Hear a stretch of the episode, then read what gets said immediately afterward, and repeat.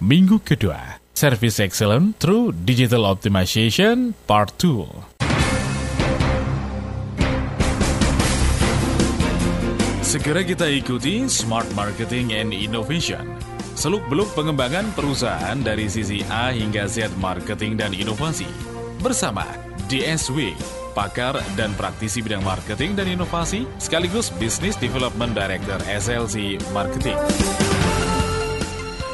Selamat sore Smart Listeners, kembali saya Didi Cahyadir menemani Anda di sore hari ini. Wah, bagaimana nih Senin Anda, awal pekan Anda? Kalau saya sih ya mau hari apa pun selalu bersemangat, apalagi kalau Senin yang katanya orang tuh hectic day atau apa day lah gitu. Saya mah santai-santai aja karena ini waktu baik uh, untuk saya. Uh, saya nggak tahu nih narasumber saya sadar nggak sih kalau ternyata ilmunya itu saya serap diam-diam. saya gunakan untuk kepentingan saya sendiri. Sudah ada di depan saya. Pak DSW, selamat sore. Sore, Mbak Didi, keep stupid to innovate, selalu belajar, haus dan lapar akan ilmu pengetahuan. Wah, ini Tapi kerasa nggak sih?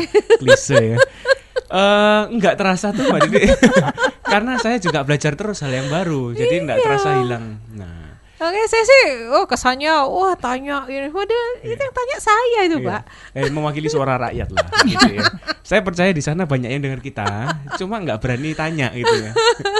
Dan penyiar satu ini kepo Iya, gitu, kebanyakan kepo. kebanyakan pengen tahu, Iya, kebanyakan betul. nanya juga Hmm, gitu ya. oke. Dan saya juga pengen tahu gitu, loh, kenapa sih minggu ini ada seorang tamu Spesial, ya. spesial. Kenapa saya bilang spesial? Karena kalau kita bicara tentang human resources segala macam, wah udah deh nggak usah jauh-jauh, tanya aja sama Apal- beliau. Betul. Apalagi tema kita bulan ini kan service excellence, Mbak Didi. Ngomong service ini pelakunya kan masih manusia. Aha, Betul kan? betul. Memang kita mau coba meng-IT-kan Mm-mm, ke depannya. Tetap pasti masih ada unsur manusia. Betul. Nah, betul. unsur manusia ini otomatis kan harus dididik, harus dilatih Mm-mm. dan harus terus dipantau, dimonitoring. Mm-mm, mm-mm. Maka demikian coba kita hadirkan kali Mhm, ini itu mhm. ada Ibu Novi, beliau Mhm. pakar, expert konsultan SDM dari Citansil and Associates. Bu, Bu Novi selamat sore. Selamat sore Pak Oke. Sandi. Ketemu lagi kita, Ibu Selamat Novi. sore Mbak Didi. Iya. Bu Novi monggo cerita dikit apa Mbak Didi yang gali sebelum kita kenal Eh, apa masuk ke topiknya hari ini. sebelum nah makanya kita bicara tentang human resources gitu ya dan kalau smart listeners sering ketemu di ajang-ajang manajemen atau SDM gitu sering sekali bertemu dengan Ibu Novianing Tiastuti Yes. dari Dr. Andes J. Tansel and Associates yang identik sekali dengan konsultan atau segala sesuatu yang berhubungan dengan sumber daya manusia Betul. ya kan nah ini kaitannya dengan service excellence gitu ya Mm-mm. sekarang tuh ada pergeseran atau tren-tren tertentu sih karena saya tahu Bu Novi kan udah berpuluh-puluh tahun ya ngurusin Duh, ini mbah mbahnya sudah dewanya yang datang nih. Nah, pergerakan bisnis itu kan udah bergeser dari yang manual konvensional sekarang jadi IT segala macam nih ke manusianya ke SDM-nya gimana Bu Betul. Novi? Jadi kalau ketemu sekarang pun ini saya itu merasa sangat tua, menjadi sangat tua karena Belum lah. Karena berpengalaman. sangat tua ya. Tadi disebutkan kayak Iya. gitu, jadi merasa Iya, sorry loh Bu, saya menuakan Anda Bu. Tapi kayaknya memang paling senior ya di ruangan ini. Iya, tidak bermaksud begitu Bu. Cuma kita mau belajar dari Ibu. Lebih lebih kayak pengalaman lah Iya. gitu. Iya. Jadi gini, sebenarnya tadi bukan bermaksud eh, ini, Iya. tetapi eh, ketemu dengan eh, orang-orang muda sekarang Hmm. itu banyak hal yang sebenarnya saya sendiri merasa eh, apa ya, nggak nggak nggak di apa namanya, nggak masuk di akal, nggak nalar di apa saya gitu ya. Yang Oke. dulunya itu eh, semuanya itu masih misalnya serba manual, Iya. sekarang bahkan IT semua. IT semua mau tadi mau servis itu mau yang gampang mau pesen makanan lah mau pesen kendaraan lah Heeh. mau nonton Mau TV bayar tol lah ini mau nanti. ya sembarang itu sudah benar-benar eh, sangat berbeda dan itu kaitannya semua dengan servis kan mbak gitu. Jadi karena ser apa tuntutan zaman yang sudah berbeda di era pengetahuan ini maka kemudian eh, ini kaitannya dengan teknologi, perubahan teknologi ini membawa pengaruh yang sangat besar terhadap juga cara kerja dan sebagainya. Dan karena itu pasti juga kompeten eh kompetensi eh kompetensi, bukan Kompetensi. kompetensi yang Oh. dibutuhkan Kompetensi, oleh seseorang itu juga sangat berubah dibandingkan dengan zaman saya dulu masih muda gitu ya. Nah, emang dulu seperti apa sekarang seperti apa Bu Novi? Nah, kalau mau ini ya eh, dilihat dari ini aja deh eh, kendaraan gitu ya. Saya masih ngalami yang eh, apa namanya naik becak ke mana-mana gitu ya. Sekarang coba anak-anak yang kecil ditanya becak itu adanya di mana di, Di museum. Kompak deh. Betul. Anak saya saya ajak ke Jatimpak itu lihat lihat kotak pos warna orange. Nah, Pak ini apa, apa? Pak? oh, papamu dulu masih ngirim surat ya, masih SMA Bu. Iya. Ngirim surat ke seseorang di Pasuruan sana Oh, gitu. iya. itu masih pakai surat, Bu. Betul. Iya. Dan anak-anak sekarang bingung surat buat apa? Kok Iya. dimasukin seperti itu? Habis itu suratnya ke mana? mana gitu Bingung mereka bingung ya. kan jadi yang sed- sederhana lah dalam kehidupan kita sehari-hari seperti itu jadi kalau ditanya kendaraan apa yang sekarang paling favorit ya kalau misalnya naik SMP SMA ya gojek Iya, gitu ya heeh. Bahkan mereka juga mau naik angkot aja sekarang juga kalau dulu nggak punya kendaraan naiknya angkot sekarang mau naik grab mau naik uber Tinggal gitu klik-klik. tinggal klik-klik dan juga biayanya bersaing banget dengan misalnya kita naik kendaraan-kendaraan itu Betul. seperti itu Ya, ya, Berarti ya, pola ya. pikirnya kan sekarang instan, semuanya harus cepat, Betul, praktis gitu ya, betul. Bu ya. Betul, Cara betul. kerja juga bagaimana mereka melayani entah itu atasan, entah itu customer, ini juga sepraktis mungkin, secepat mungkin. Nah, Betul. masalahnya kalau anak-anak tim yang baru junior yang baru bergabung ini, Bu, apakah bisa langsung mereka itu datang, diterima kerja, langsung praktek? Ini kan nggak bisa langsung, nggak bisa Betul. instan. Betul. Harus ada standarisasi dari manajemen gitu ya, Bu ya, barangkali supaya kualitas servisnya standar di perusahaan itu. Betul. Karena eh, even kita menerima seorang sarjana nih dari pengalaman saya, Mm-mm. eh, knowledge yang mereka eh, miliki ketika kuliah dan kemudian mereka diterima bekerja itu tidak hanya kalau mau dikatakan hanya Teori ya? sekitar banyak Berapa teori persen? jadi 20% aja yang kepake. Itu Hmm. pun sebagai sesuatu yang basic. Mm-mm. Karena ketika kita kerja, kita tidak hanya menggunakan knowledge tetapi knowledge yang sudah diaplikasikan seperti itu. Sehingga ketika seseorang ini masuk bekerja, ini perusahaan ini harus mempunyai sebuah sistem yang membuat mereka bisa segera beradaptasi dengan tuntutan pekerjaannya. Nah, itu dia. Topik kita hari ini sistem yang namanya apa Ibu tadi? Knowledge management. Knowledge management. Gitu. Manajemen pengetahuan ya. Betul. Jadi istilahnya mungkin manajemen pengetahuan ya karena dan jangan dibayangkan seperti Pengetahuan apa. yang harus di manajemen, kurang lebih seperti betul itu Bu betul. ya. Jadi aktivitas organisasi yang fokus pada upaya untuk mengembangkan dan memanfaatkan pengetahuan dalam sebuah organisasi. Gitu. Oke oke wow ini Sih. kayak perlu dikulik lagi nih Betul, pak betul. tapi tapi kita tahan dulu ya kita jeda dulu Oh, ini mau break ya? Iya, kita break dulu. Nanti akan kita lanjutkan di sesi kedua, Smart Listeners. Anda juga bisa tanya-tanya ini ini karena kalau kita bicara tentang knowledge management ya, eh, tidak mungkin banyak yang mikirnya apa ya gitu. Setahu saya sih yang saya jalanin sekarang ya sudah baik-baik saja, sudah oke. Ternyata ada lagi nih istilah baru mungkin untuk Iya. mereka gitu ya, knowledge management. Tapi tidak baru untuk Bu Novi. Oke. Smart listeners yang ingin bergabung silakan Anda bisa bergabung melalui telepon di 031 732 1498 atau SMS atau juga WhatsApp boleh di 0811 312 889 atau melalui BBM Anda bisa invite kami di 5158 F514.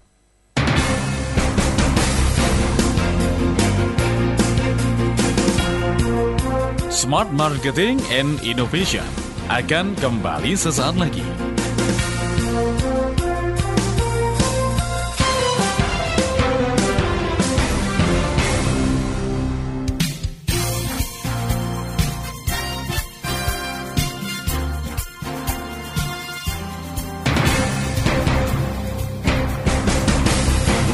Kembali kita ikuti Smart Marketing and Innovation.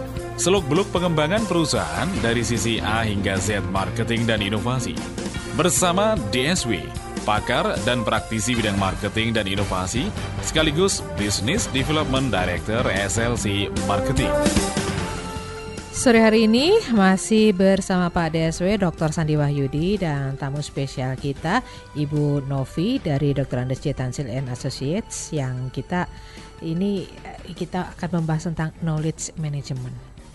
Sederhananya Bu, gam- beri kami gambaran knowledge management itu apa sih aplikasinya dalam perusahaan itu seperti apa? Ya. aplikasinya itu seperti ini gitu ya. Jadi kan tadi eh, kembali lagi ke apa artinya ya, ketik upaya untuk mengembangkan dan memanfaatkan pengetahuan dalam organisasi. Jadi ketika kita bekerja sebenarnya kita ini kan menggunakan pengetahuan yang kita miliki dan ketika kita mempraktekkan sesuatu kita mendapatkan hal yang baru. Nah, itu tadi pengetahuan yang kita miliki ditambah dengan pengetahuan yang baru yang kita dapatkan menjadi sebuah pengalaman. Oke. Nah, pengalaman inilah yang kemudian kita juga kita jadikan satu menjadi sebuah pengetahuan baru kan gitu. Nah, pengetahuan baru ini sebenarnya eh, akan bermanfaat ketika kita bukan hanya eh, apa ya menerimanya saja, tetapi kita bisa apa ya menyimpannya dengan baik terus mengkombinasikan dengan yang lain. Kemudian karena ini bisa menjadi pengetahuan baru lagi yang dipakai untuk bisa antara lain meningkatkan servis. Oke. Barangkali kalau saya terjemahkan ini Bu, kalau saya salah tolong diralat. Kalau di SLC marketing itu Bu, setiap konsultan itu tak wajibkan nulis. Nulis artikel mereka itu baca buku, bikin resensi buku. Nah, kemudian mereka itu bagaimana eh, mengirimkan ke itu ke saya dan setelah itu kita masukkan ke server supaya bisa kita tata diurutkan gitu ya. Nanti kalau ada tim yang ingin belajar tentang buku tertentu, dia tinggal mengakses uh, di server itu, dia bisa dengan cepat mudah belajar dari temannya yang lain yang sudah membuat artikel itu bulan-bulan sebelumnya. Apakah itu disebut knowledge management, Bu? Salah satu dari aktivitas knowledge management antara lain itu. Salah Gitu, satu. Salah satu. Jadi misalnya nih eh, yang paling gampang nih, misalnya gini nih, eh, kait eh, saya pernah waktu di Unilever. Di Unilever itu kan punya eh, produk itu Walls gitu kan. Nah, produk Walls itu dikirimnya itu kan es krim nih, es krim dikirim dari pabrik ke outlet-outlet gitu ya, kayak ke Indomaret lah, Alfamaret dan sebagainya kayak gitu. Dah sebenarnya kapasitas apa, apa ya, eh, es krim ini ti- punya waktu tertentu untuk Iya. tidak meleleh gitu. Meskipun dia di apa di jalan dikirim pakai uh, mobil yang berfreezer gitu kan. Nah sering kali ke da- dalam prosesnya itu uh, waktunya itu nggak bisa sesuai dengan perkiraan waktu karena jalannya macet lah ada yang mogok truknya lah atau uh, sopirnya baru karena Nggak tahu uh, jalan. nggak tahu jalan. Satu sopir baru atau sopir lama tetapi dia tidak biasa jalan di trayek itu di rute itu sehingga harus Bingung. switch sama temennya sehingga dia nggak tahu jalan tikusnya sehingga nggak bisa cepat lah kayak seperti itu. nah. Cara eh, ini kan kemudian ketika sampai di customer ini jadi masalah Iya, Sa- iya. karena es krimnya yang gambarnya Mickey Mouse jadi meletot-meletot gitu Ya, kan ya terlambat kirimnya leleh semua ya. jadi meletot-meletot gitu Iya. kan akhirnya Iya, iya, eh, iya, apa iya. yang beli nggak mau kan karena Iya. eh, sepertinya barang rusak seperti itu akhirnya eh, cara yang dilakukan Unilever adalah apa mereka itu ngumpul sore itu sopir yang baru datang itu kan jam berapa gitu katakan jam 6 datang Di- eh, mereka ngumpul di pool terus akhirnya dikumpulin pakai ini eh, ayo bi- apa beliin pisang goreng lah goreng-gorengan meeting kayak gitu gitu, ya? Hmm. meeting tapi ya meeting ala ya, sopir i- i- oke. jadi supaya Informal, informal kayak nyantai-nyantai, gitu nah. Su- eh, itu setiap sore dibikin kayak gitu. Wah. Yang sebenarnya adalah tujuannya adalah sharing. Si A tadi lewat jalan arah ke barat, ke barat ternyata sekarang ada perbaikan jalan di sana. Terus itu yang situ tuh nanti sore ada kawinan, ada terop kayak gitu. Nah kayak gitu dia cerita sehingga kemudian pengetahuan yang tadi hanya dimiliki sopir A Satu yang orang biasa aja. di jalan di barat Hah. orang yang jalan ke arah timur itu tahu Akhirnya gitu loh. tahu. tahu oh kalau ke barat nanti itu ya di sana itu sering kali yang macet jam segini apa nanti lancarnya di apa yang kayak Oke, gitulah oke. gitu ada pasar tumpah lah ada yang kayak gitu gitu ya nah seperti itu terus eh, satu seperti itu Oke, ini termasuk knowledge management Termasuk juga. knowledge Walau itu cuman sharing-sharing Sharing, makan karena kemudian gedang ini goreng apa- karena akhirnya outputnya Iya. adalah itu Oke. tadi knowledge yang dimiliki satu orang itu ter terdistribusi sharing, sharing, he, ke banyak orang. orang yang lain Saya kira itu harus melibatkan IT murni. Oh, itu se- sepele itu juga disebut knowledge, knowledge management. sur- knowledge Bagaimana management. pengetahuan yang dimiliki oleh masing-masing personal itu bisa dimanage sehingga bisa mempengaruhi person yang lain. personal dan lain dan menjadi pengetahuan organisasi. Oh. Eh, kaitannya gitu harus kembali lagi Oke. untuk karena itu kayak itu tadi. Apalagi itu didokumentasikan ya Bu ya, Betul. diketik atau misal disistemkan apa gitu ya. Iya, dan kalau sudah gitu. terbentuk satu pola atau segala macam kan bisa dibikin SOP-nya atau Betul, bagaimana dari betul, itu. betul, oh, oke gitu. oke oke oke. Atau kalau ngomong servis nih Pak, gitu ya, bagaimana cara melayani customer Hmm. dengan baik kayak Nah. gitu. Nah, bagaimana di, di apa di eh, apa namanya dokumentasikan sehingga ketika ada orang baru tadi kaitannya dengan Iya. pertanyaan Bapak pertama, Mm-mm. Bapak nggak usah ini putar aja videonya bagaimana memberikan servis yang baik. Plus catatan-catatan khusus. Kalau misalnya eh yang bagi yang dibawa itu melingsi terus apanya tumpah gitu kan ya. Ya. terus bawa barang yang terlalu banyak. Nah itu akan menjadi pengetahuan bagi orang baru untuk belajar dengan cepat di mana nanti endingnya masuk ke organisasi juga karena proses menjadi lebih efisien kayak gitu Dan itu harus didesain dan manajemen harus mensupport Bu ya. Terka- Betul, terkadang kan betul. gini. Udah kamu belajar aja sama seniormu atau belajar sama yang si ini. Bisa, Si tapi kan tidak efisien, Iya. Pak, tidak efektif juga gitu loh. Jadi dia orang baru tadi itu diminta untuk itu tadi, gampangnya seperti itu. Selain nanti dia akan belajar manual, Ya. seperti itu. Nah, ini membudayakan bagaimana semua tercatat, terdokumentasi itu upaya yang harus Nah, luar biasa saya Bu mungkin ya. cerita juga di kantor saya. Di Nah, kantor saya monggo. ketika kita menangani sebuah klien gitu ya, eh, satu sudah ada eh, manual kerja gitu ya. Jadi orang baru itu eh, akan belajar manual kerja ketika dia Orang setelah baru teri- ini konsultan baru. konsultan baru Oh, yang iya. belum pernah nangani Klien yang sejenis. klien yang sejenis Iya. gitu ya. Jadi dia harus belajar dulu nih manual. Barangkali di manual ada yang baru khusus untuk industri seperti itu, Mm-mm. gitu. Terus kemudian setelah dia belajar manual yang mungkin ada case-case yang dulu pernah tertulis yang eh, itu dia harus belajar juga kertas kerja dari perusahaan sejenis yang dulu pernah ada. Oke. gitu ya. Jadi dia akan buka-buka lihat-lihat oh eh, sama yang ini yang ininya oh ada perlakuan khususnya harus seperti ini seperti ini gitu. Dan kemudian dia terjun. Ketika dia selesai terjun dan kemudian dia menemukan pengalaman-pengalaman baru itu yang kemudian wajib nanti dia harus mencatatkan kembali untuk perbaikan manual berikutnya. Oke. karena itu akan menjadi pedoman bagi orang lain atau konsultan lain Hmm. yang akan apa namanya melakukan ini di penugasan-penugasan Ya. yang sejenis Hmm. kayak gitu sehingga proses itu akan improve terus kayak Oke. gitu pak Mhm. Gitu. Jadi ya memang apa namanya eh, bisa dibilang banyak pintu sebenarnya ya Oke. untuk memanage pengetahuan itu yang mungkin awalnya dari SDM SDM itu yang nanti akhirnya menjadi catatan untuk organisasi juga. Mm-mm. betul gitu jadi Oke. makanya namanya knowledge management karena sebenarnya bukan hanya untuk individu-individu tetapi buat organisasi yang knowledge terutama. yang di manajemen nih ya, Betul. maksudnya Yang diatur. yang diatur Yang sengaja dikelola dengan dikelola baik. dengan Dikelola. baik. ha, kayak ha, gitu dan sebenarnya karena kunci ini utamanya mahal bu betul ya, knowledge ini kan aset betul. yang intangible tadi bu Betul, bilang. intangible dan kalau misalnya dikatakan ini kebanyakan knowledge itu masih dalam bentuk tasit. Tasit itu yang masih melekat Tersembunyi, di orangnya, ya. melekat di Hmm. orangnya Tacit knowledge. belum eksplisit.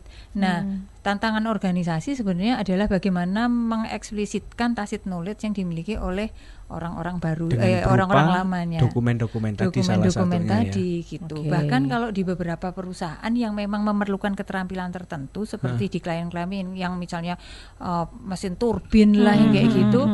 Ketika ada orang ini yang sudah senior diminta untuk sharing knowledge dia tidak bisa uh, menuliskan dengan baik karena kemampuan menuliskannya terbatas.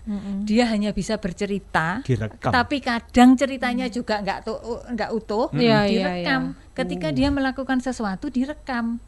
Misalnya membersihkan Di bagian video turbin yang atau dia di- apa oh. gitu. Nah itu dia disuruh itu juga no praktek. problem bu ya di dalam knowledge tidak management masalah ya. karena intinya sebenarnya bagaimana? Tadi itu trik tips khusus untuk memperbaiki sesuatu yang tidak semua orang bisa melakukannya. Oke. seperti itu sehingga kemudian orang bisa tahu dan kalau itu malah Ya. lebih bagus lagi langsung praktek Oke, pak Gitu.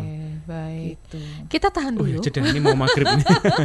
kita tahan dulu Iya. karena kita memasuki waktu uh, Azan azan maghrib. maghrib untuk kota Surabaya dan sekitarnya. Nanti akan kita lanjutkan perbincangan ini karena kami masih- akan menemani Anda sampai dengan jam 6 petang nanti. Anda bisa berinteraksi juga ke 031 732 1498 atau melalui SMS atau WhatsApp di 0811 312 889 atau melalui BBM Anda bisa invite kami di 5158 F514.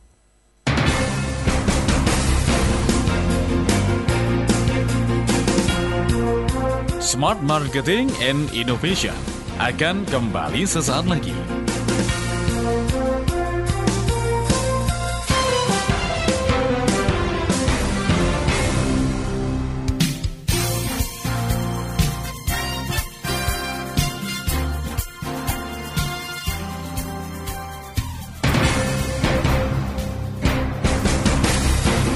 Kembali kita ikuti Smart Marketing and Innovation.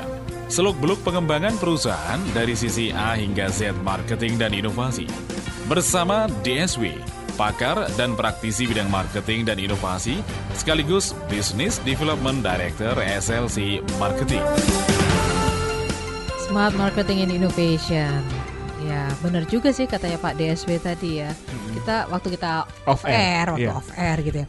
Yo, cok ngomong no marketing terus, Rek. Ya Iya. ini orang-orangnya juga nih. Mm-mm. Karena marketing itu terkait dengan orang juga. orang juga. Karena sebagus-bagusnya produk, Mm-mm. orangnya ternyata nggak mumpuni, Mm-mm. gitu ya sudah mental itu produk Iya. tetap aja nggak keluar. Terkadang orang itu nggak cuma beli produk loh Mbak Didi, beli kepercayaan itu, Betul. beli trustnya ke Servisnya, servisnya, benar, apalagi betul. perusahaan yang B2B ya, bisnis to bisnis. Kadang lihat orangnya dulu baru tanya, kamu jualan apa sih? Kadang-kadang juga eh, kenapa sih kamu belinya di situ nggak di sana Iya. kan barangnya sama harganya sama. Habis sana mbaknya males mukanya judes kayak Iya. gitu kan ya Iya, males iya, gitu ya hal-hal seperti itu dan ternyata ini seperti yang kita sampaikan di sore hari ini Nah, terkait service excellence kaitannya apa dengan knowledge management? Ah. Jadi kurang lebih seperti ini Mbak Didi. gimana gimana gimana. Saat kita ketemu frontliners, entah itu SPG, entah itu sales counter, entah itu teller kalau di bank, saat kita tanya sesuatu dan kita dijawab dengan bagus, alangkah customer ini kan satisfied ibu ya, puas. Wah berarti orang ini kompeten, orang ini menguasai product knowledge, orang ini menyervis saya dengan baik. Nah masalahnya kan kita ngomong ini knowledge management kaitannya dengan menstandarisasi eh, kompetensi baik yang senior maupun junior podo-podo pinter kan gitu bu ya. Iya. supaya yang junior cepat pinter pun yang senior mau berbagi ilmu ke yang junior. Dan itu disistemkan di manajemen ya. Eh, dikelola dengan baik knowledge-nya. Eh, kalau perusahaan bu khususnya yang belum punya sistem seperti itu memulainya pertama itu gimana bu supaya sistem itu terjadi knowledge management itu mungkin bu Novi bisa sharingkan bu Eh, memulainya yang pertama yang pasti adalah dibakukan. Dibakukan paling gampang itu di manual, Pak. Jadi gitu pasti man- dimanualkan gitu. Karena di dalam manual ini kan akan menjadi standar operating procedure Mm-mm. eh, mereka dalam melaksanakan gitu. dimanualkan itu berarti semua aktivitas harus diketik didokumentasikan gitu? Betul. Gitu. Wah, itu sing sing setengah mati itu di situ takes bisa time gitu ya. Terus apa kadang Iya. uh, ada hal-hal yang miss untuk kita tuliskan di sana padahal Mm-mm. itu dilakukan. Tetapi mau nggak mau proses awalnya adalah seperti itu pak. Iya. karena dengan begitu ini akan menjadi panduan baku bagi pelaksanaan pekerjaan gitu ya. Sehingga m- orang mau nggak mau mengerjakannya harus cara dengan cara demikian. Mm.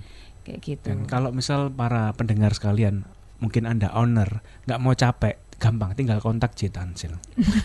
Siap dibantu. Betul ya Bu Novi ya? betul betul Iya. Ya, Ya yang benar. gini gini Iya iya. loh, menjual tapi seperti tidak menjual. iya kan daripada bingung ini Iya, first benar step dong. gimana gitu. Oh, langsung kontak Loh, tapi aja, kalau mau repot gitu. mau capek, ya itu tadi langkah awalnya semua aktivitas didokumentasikan. Iya. Mm, mm, mm. Gitu. Sampai akhirnya ket- ketemu satu pola yang Mm-mm. eh, akhirnya bisa disistemkan di situ Iya, ya. Jadi ya, jadi eh, proses kerjanya didokumentasikan, Mm-mm, dibuat eh, terdokumentasi, lalu kemudian ada acuan eh, apa ya pekerjaan untuk masing-masing orang yang bisa dinamakan job description yang kayak gitu, Pak. Saya pernah baca ini artikel menarik Bu Novi, Mbak Didik sekali, smart listener sekalian. Katanya SOP itu paradoks dari inovasi. Hmm. Antitesisnya. Jadi kalau perusahaan yang sudah meng-SOP-kan segala sesuatunya, katanya lebih rigid, lebih kaku dan untuk berinovasi ini bakal akan lebih challenging ketimbang wes gak usah SOP. Yang penting bikin inovasi. Mhm. Nah, apakah hal itu menurut Bu Novi benar atau seperti apa? Gini, SOP kalau yang tidak diperbarui bisa jadi memang menjadi Nah, rigid itu tadi. Oh, Tapi oke, kalau oke, oke. kemudian selalu Improve. diimprove dan dimasukkan hal-hal yang baru yang ada di sana, Heeh. itu itu sebenarnya menjadi panduan inovasi karena Yes. eh, apa ya inovasi sebenarnya bisa terjadi ketika proses itu efisien, efektif kayak gitu Mm-mm, kan. mm-mm. menjadi lebih baik memberikan nilai tambah. Nah, Betul. kalau itu tidak di, tidak ada dokumentasi tentang dari awal sampai kemudian menjadi lebih baik seperti apa, proses apa ya pengulangannya itu tadi juga akan apa namanya terhambat. Kalau menurut saya begitu. Apakah SOP itu sebagian kecil dari knowledge management, part of knowledge management atau knowledge management itu part dari SOP, Bu? Kalau Eh, Seperti pasti apa? KM besarnya. Jadi kalau SOP Hah. lebih apa namanya secara tidak langsung sebenarnya tidak ada kaitannya dengan knowledge management karena Mm. ini lebih sebagai kayak panduan pekerjaan kayak Iya. gitu, Pak. Tetapi ya ini panduan pekerjaan ini adalah proses awalnya gitu sehingga Hmm. kemudian orang baru akan bisa belajar lebih cepat gitu, Mhm. lebih paham apa yang harus dilakukan kayak gitu.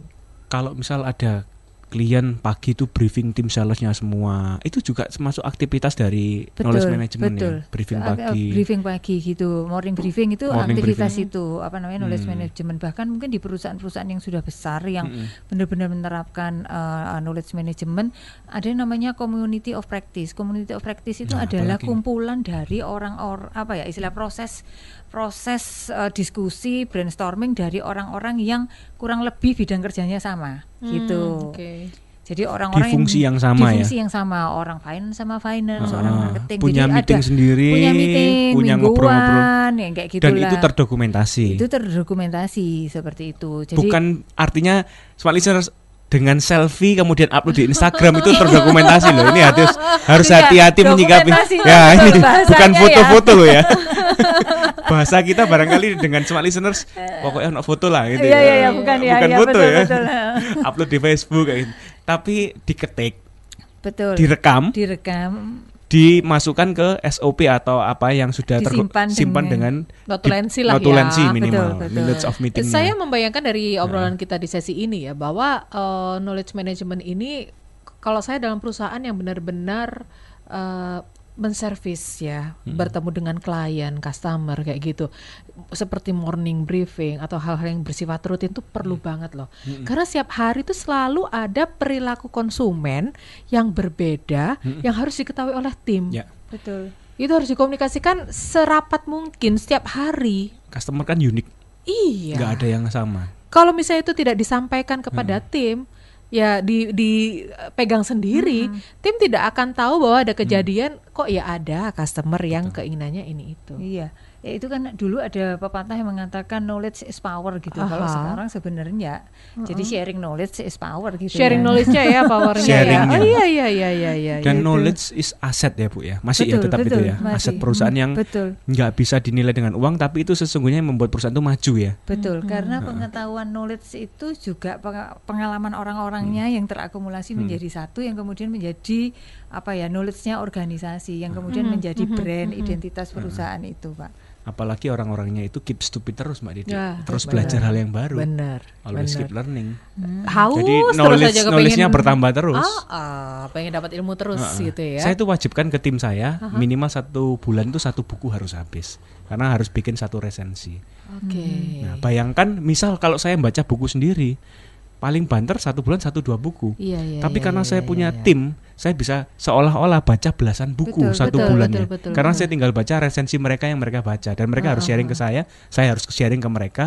Jadi satu orang itu seolah-olah baca belasan buku. Mm-mm. Itu knowledge management Bu, Betul, ya. betul. Ketimbang kamu baca bukumu sendiri satu dua buku, mending kita sama-sama baca buku rame-rame, buku yang berbeda-beda. Ah, ah, ah, ah. Sej- Apalagi kalau Bapak punya media kan juga apa namanya? Mm-mm. eh, SLC kan juga punya media nih yang Mm-mm. apa kayak majalah gitu kan. Ah, itu Connect Buletinnya. Media, ya. Ah, Heeh. ah, kayak di tempat kami kami juga punya majalah. Nah, Eksklusif. jadi diba- Eksekutif. betul, eksekutif newsletter. Dibaca satu orang Heeh. bukan hanya untuk orang satu kantor tetapi untuk semua yang mau baca kayak Mm-mm. gitu kan di luar sana kayak itu gitu. knowledge management Bu ya ternyata. Betul, itu adalah Oh, knowledge yang saya management. lakukan Oke. lumayan bener lah sejauh ini ya knowledge management. Jadi ya. selama ini melakukan, Eh, tapi nggak tahu ini namanya apa. Iya. Iya, jadi bahkan eh, ajang kayak misalnya eh, di Semen Indonesia ini kan itu- ngomong konsultan. Kita ini kan konsultan. Iya. Gimana smart listener sekalian ini kan barangkali praktisi bisnis bukan konsultan. Knowledge management apa yang bi- bisa kira-kira besok pagi diterapin, Bu? Kasih Nah. tips, Bu. kasih tips untuk besok pagi ya. Memulainya dulu itu kan yang susah ini memulai. Memulainya adalah eh, bisa dimulai kalau misalnya tadi susah membuat manual ya. Hmm. Bisa mulai dari tadi itu morning briefing. Lalu eh, orang-orang dengan interest tertentu itu Hmm. bisa apa namanya? Melakukan aktivitas bersama-sama. Mm-mm. Karena sebenarnya dengan orang-orang jadi gini, itu bahkan namanya community of interest. Jadi kumpulan orang-orang yang punya interest yang sama, yang suka apa namanya run, sekarang musim lagi Iya. itu run runner kayak gitu. Terus ada klub pecinta alam yang suka naik gunung, terus Mm-mm. kemudian bikers kayak gitulah yang suka apa namanya foto-foto yang kayak gitu. Nah, eh, komunitas komunitas seperti itu di perusahaan yang mi- misalnya skalanya besar Mm-mm. itu bisa digunakan ini adalah juga sebenarnya knowledge management di mana sebenarnya komunitas-komunitas ini bisa apa ya keputusan-keputusan penting yang Mhm, biasanya mhm. sulit diambil apa namanya keputusannya karena ketemu sama yang atas susah biasanya Mhm. justru selesainya di situ di dalam apa namanya komunitas-komunitas yang tadi itu sifatnya informal. Kayak tadi itu ada community of practice, community of Mhm. interest yang kayak gitulah. Terus ada misalnya seperti ini yang paling gampang. Timnya me- hari ini melakukan kesalahan gitu ya. Jadi Mhm. saya misalnya dalam menangani klien ternyata eh, klien ini eh, jengkelin gitu ya. Nah, Mhm. jengkelin terus kemudian saya melakukan sesuatu yang mungkin saya agak emosional dan sebagainya gitu ya atau kemudian bersikap yang sebenarnya tidak mengenakkan gitu.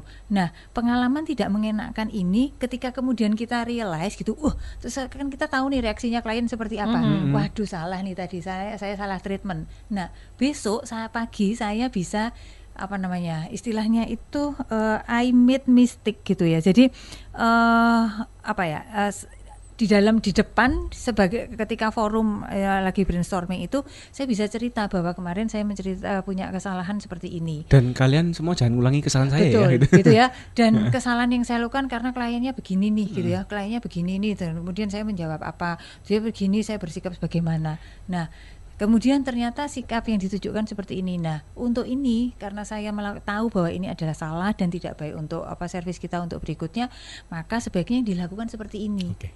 Gitu Ini masalahnya apakah setiap manajemen kita, perusahaan kita punya waktu atau memberikan waktu untuk itu, Bu? karena Terkadang kan nggak lama sudah terjebak di operasional. 15 menit itu kan bisa Daripada aku ngeramai anak-anak karyawan yang belum tentu mereka telinga kiri masuk eh, telinga kiri keluar barangkali keluar telinga kanan, terus mending tak telepon customerku golek omset gitu, golek orderan kan gitu ya. Ini owner-owner yang dengar mungkin mantuk-mantuk ya. Iya. Karena banyak sekali saya ketemu klien juga, ah percuma ngomong arek karyawan. Pancet aja kan gitu ya. Itu loh Bu Nah kendalanya. kalau ownernya mau pusing terus nggak apa-apa pak. Nah, Kalau maksudnya mau pusing sendiri kan, artinya dia sendiri semua gitu kan. mm-mm. Nah tapi kan kita ini tujuannya adalah memberdayakan Nah. tim gitu kan. Jadi tadi Iya, itu iya. knowledge yang dimiliki oleh satu orang Betul. yang misalnya pun kesalahan fatal itu ini susah loh pak. Ini Iya. eh, mengakui sebuah kesalahan dan kemudian dia bercerita Iya. tentang kesalahannya apa. Dia bisa mengidentifikasi tinggal owner itu mau perusahaannya segini-gini toh, Hmm. ya kan? Atau mau mengembangkan satu level lebih tinggi lagi. Iya, betul Betul. betul. Ya, saya di level Investasi, manajemen juga waktu. punya pengalaman bahwa kadang-kadang pihak manajemen tuh pedes loh telinganya kalau mendengarkan eh, sharing-sharing dari eh, eh, tim kita gitu ya. Karena ya itu eh, mengaku Dikritik berbuat oleh karyawan Iya, tuh bisa ya. mengaku be- berbuat kesalahan, bisa yang dong, eh, owner yang bisa yang eh, apa namanya misalnya eh, tim ya habis kemarin manajemen nggak backup sih gini gini gini. Hmm. Itu sebenarnya sesuatu yang wow gitu kan. Tidak semua manajemen atau owner, Owner siap untuk siap. menerima seperti itu. Tapi benar juga sih Bu Novi, paling nggak 15 menit setiap pagi berkumpul dan eh, yang kemarin terjadi apa, terus hari ini kita apa? Itu sebenarnya sebenarnya cukup ya untuk merefresh itu semua ya. Nah itu tadi kan sebenarnya uh, kayak budaya open mind Mm-mm, itu kan sebenarnya itu kalau tadi dilatih kan gitu dimulai dari siapa pun lah. Dari mau manajemen yang owner puncak Bu, yang ya. Iya, puncak iya, misalnya iya, melakukan iya, iya. kesalahan fine juga kayak gitu. Oke, apalagi oke. kita yang nangani klien-klien yang perusahaan besar gitu ya. Jadi apa namanya kesalahan tertentu bisa berdampak ke yang misalnya Betul. secara finansial kliennya ndak balik lah yang kayak gitu Oke. terus dari mulut ke mulut menjadi negatif akan Iya. seperti itu Oke, harus jeda lagi Iya. DSW. Betul. Ini kayaknya Nggak terasa nih. boleh nggak sih nggak pakai jeda gitu? Iya. Nggak cukup sekali kita undang di program kita Mbak Diki Iya, ya. iya makanya kayaknya Harus diundang iya. lagi nih. Tapi tenang untuk eh, sore hari ini masih ada satu sesi lagi. Smart Ya. listeners tetap bersama kami di Smart Marketing and Innovation.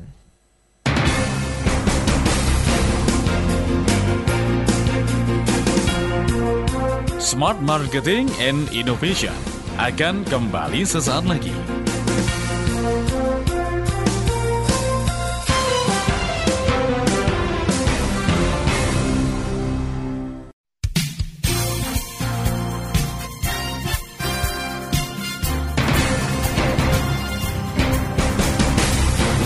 Kembali kita ikuti Smart Marketing and Innovation. Seluk-beluk pengembangan perusahaan dari sisi A hingga Z marketing dan inovasi.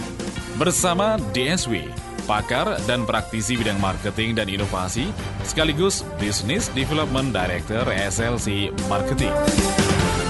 Sesi terakhir Smart Marketing and Innovation ini masih bersama tamu kita ya Pak DSW ya Ibu Novi, Novi. dari Dr. Andes C. Tansilen Associates. Jujur aja, talk show sore hari ini nih saya termasuk yang lambat loh nangkepnya.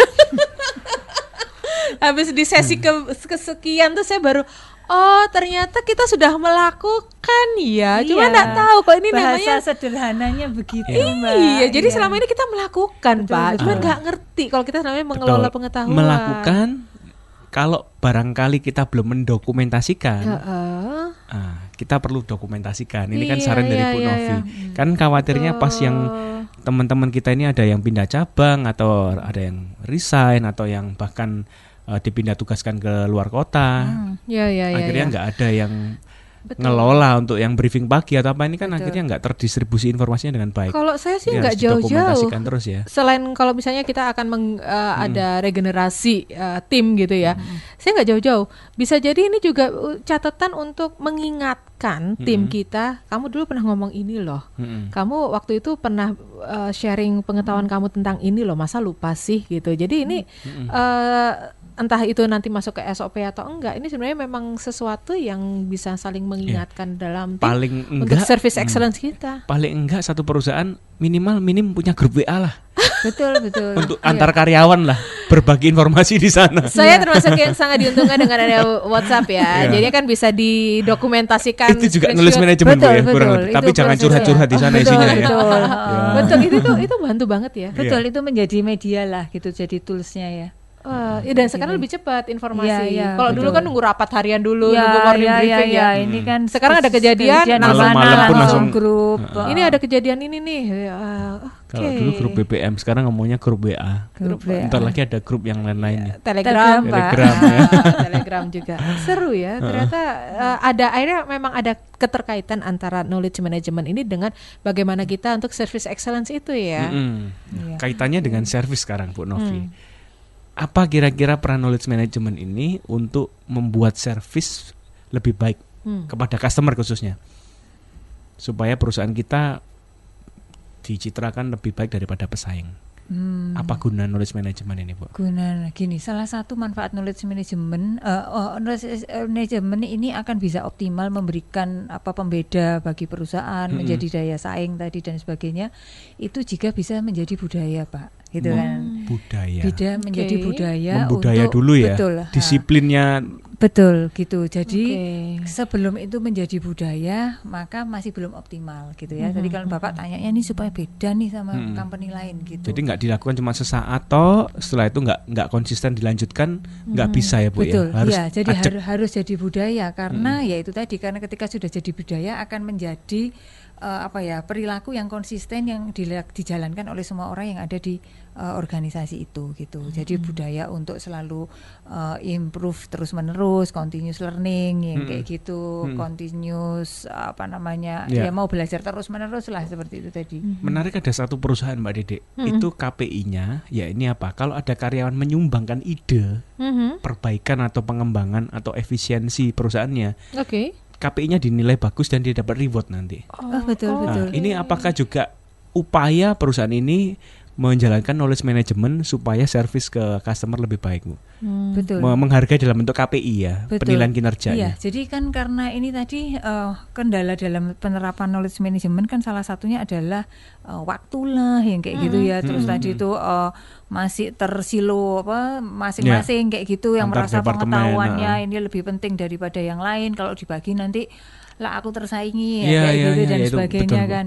Nah, jadi tadi itu harus open mind, itu harus menjadi budaya gitu ya. Terus mau menerima kritik, lalu mau apa memberikan saran, sumbang saran yang kayak gitu. Iya. Terus mau karena sumbang saran terus akhirnya kan menjadi sesuatu yang apa harus baru gitu kan. Iya. Bagaimana kemudian mereka juga harus apa namanya mau mendokumentasikan seperti itu Oke. tadi. Sehingga kemudian kalau ini sudah tercipta maka semuanya ini kan menjadi sebuah eh, habit yang yang mau nggak mau ya Oke. harus dilakukan. Jadi sebetulnya mulai dari komitmen untuk mau perusahaannya ini lebih maju enggak kalau mau lebih maju ya harus takes time, Betul. memberikan waktu untuk itu kan Bu. Iya. Dan ada konsistensi untuk melakukan terus-menerus.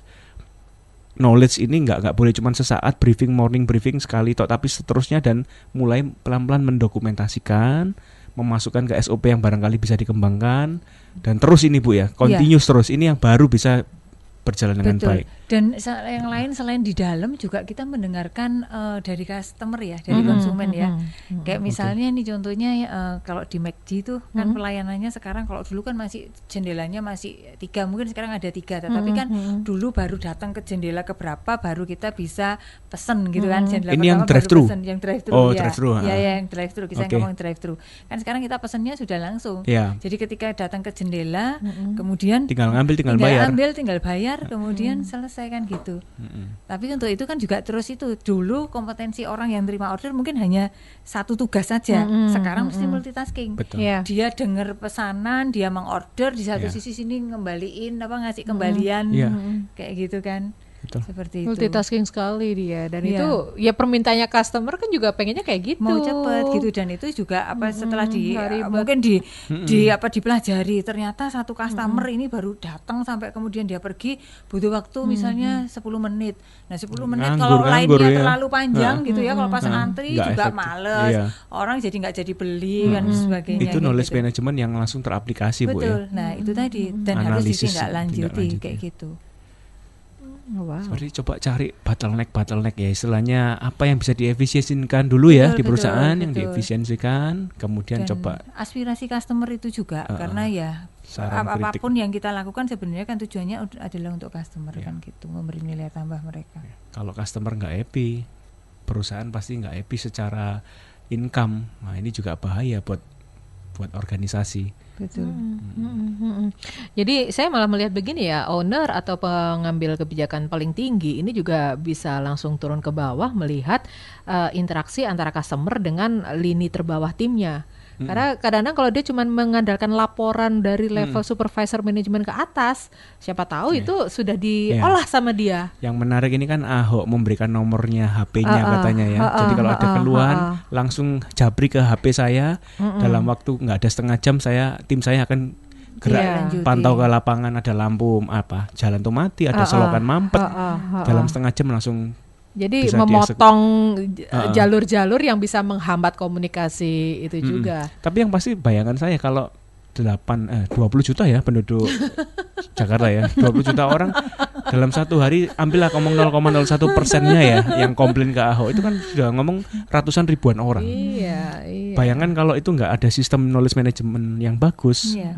Nggak mungkin Ahok bisa menyelesaikan dalam satu hari yang sama. Mm-mm. Itu setelah kirim nggak tahu pasti bukan Ahok juga ya, Pasti bukan timnya lah ya. timnya, iya. Terdistribusi tuh ke Hmm. dinas Iya, sampah, langsung, dinas betul. apa lampu jalan, dinas apa itu kan.